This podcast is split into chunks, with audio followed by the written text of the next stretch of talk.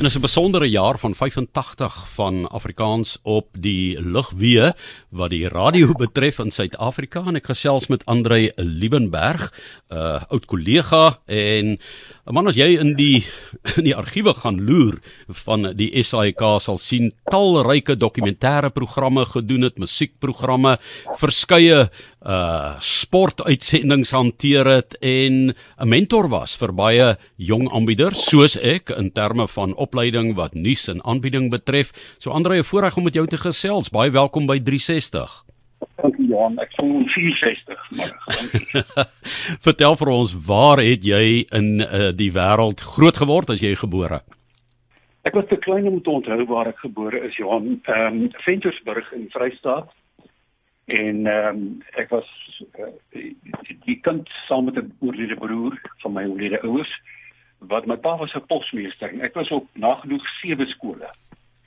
Uh so elke 18 maande 2 jaar dat ons van skole verwissel. Maar ek het in Bloemfontein begin streeknuus lees uh nadat ek Frans van Heiningen en Kies Uys ontmoet het. En uh vanaf April 62 vir byna 3 jaar die Vrystaatse streeknuus saans oor naweke gelees gehad Ramara. So dis 'n jaar 60 jaar gelede.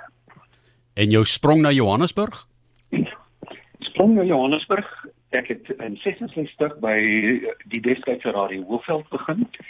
Net na 6 maande is ons Durban toe om Radio Port Natal wat nou East Coast Radio is te begin. Dit is vrou van uh, Radio Port Natal. Uh, jy toe, en toe ja. Nee, ek sê jy was 'n tweetalige omroeper toe, né? Ek het toe tweetalige toets geslaag uh, hier in Johannesburg en uh, niemand minder nie as Hein Turin wat ook 'n legende in sy eie leeftyd was, het my aangestel.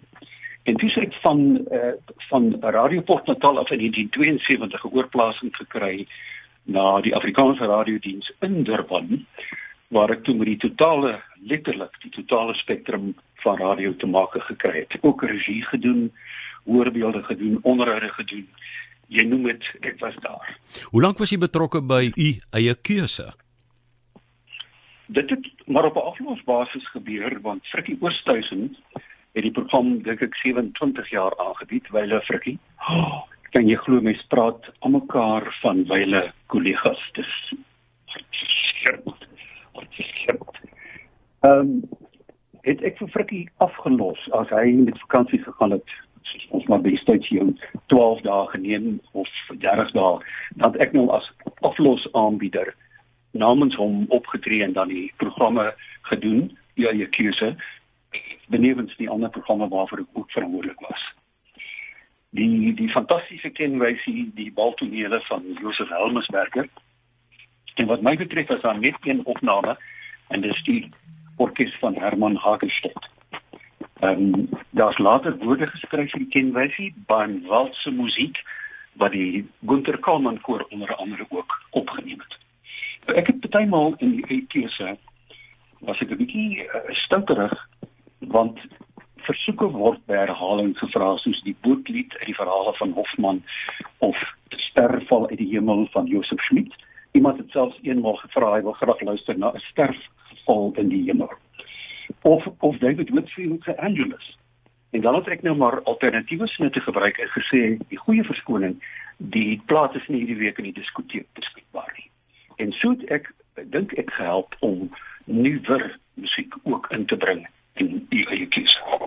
Ja wat vandag ook ehm um, belangrik is om 'n wyeer gehoor te behou en te betrek want die uitsaai wese het uh, verander Andrei in terme van die tyd ek dink maar net aan die tegnologie ook nê waarmee daar gewerk is en hoe jy 'n teks vir 'n uh, klankman gegee het of 'n vrou en aan die ander kant van die glas gaan sit het en skielik sit ek nou vanmiddag hier alleen ek moet jou op die telefoon kry ek druk die knoppies ek speel die musiek en so die wêreld het verander, maar jy het in 'n wonderlike tyd van oorgange het jy ook uh, gewerk. Ek sien jy het byvoorbeeld twee uh staats begrafnisse hanteer, die dokumentêre ja. programme wat jy gedoen het. Um maar met die oud omroepers met gesels het die afgelope tyd. Dit almal vir my gesê hulle het begin by die huis met 'n bandmasjienkie wat hulle self hulle self opgeneem het op en hulle ja. liefde vir radio het daar begin. Jou gewaarwording van radio. Vandag is radio middels van die onwerklike sprong van tegnologie bly radio vir my aangrypende eenvoud want jy werk nie met woord en klank en nie eenvoud maak hom nie minder waardiger nie en ook nie armer as ander media en allermins minder effektief want jy jy kan die radio verplaas van 'n verhoog na die maan toe waarvandaan ons ook in 1969 uitgesaai het. So radio is uniek. Die fyn werk sonder drade. Dit is radio. Want dit is persoonlik, onmiddellik en is vlietend. En jy hoor dit net een keer en dan sit verby. So die omroeper moet 'n gepoleerde entiteit agter die mikrofoon wees en die mikrofoon word terselfdertyd ook 'n mikroskoop want dit dissekeer jou diepste diepste binneste. Andre, jy gaan ook môre aand by die u eie keuse konserte draai maak. Ek sien dan sal ons daar wees. Ek en my vrou Etron en 'n paar ander vriende. So ek kan nie wag daarvoor nie. Hy sel in een ateljee waar ek nog nog 70 ateljee konserte uitgesaai het naas die ateljee konserte, naas die simfonie konserte in die stadsaal ensovoorts ensovoorts. Ja, as ek kyk na die konserte wat jy uitgesaai het en die name waarmee jy gewerk het, jy weet, um, as mens dink aan uh, Pretty Yende byvoorbeeld, jy weet wat um, as 'n uh, diva, 'n sopraan deurgekom het, maar wat mis jy die meeste van radio? Ek kan nou verskriklike lelike ding sê. Ek is nie 'n uh, geselsradio mens nie ek hou van vari variasies. Mense moet 'n platform gebied word om skepend te kan wees. En die liewe Here het vir my tyd gegee en hy het vir my uit ons almal dieselfde hoeveelheid tyd per dag gegee. Minder of meerdere mate talent gegee en daardie tyd en talent moet jy uitkoop. So wees produktief, wees wys jou inisiatief en produseer en dink programme op 'n wye front uit. Die radio is die platform daarvoor.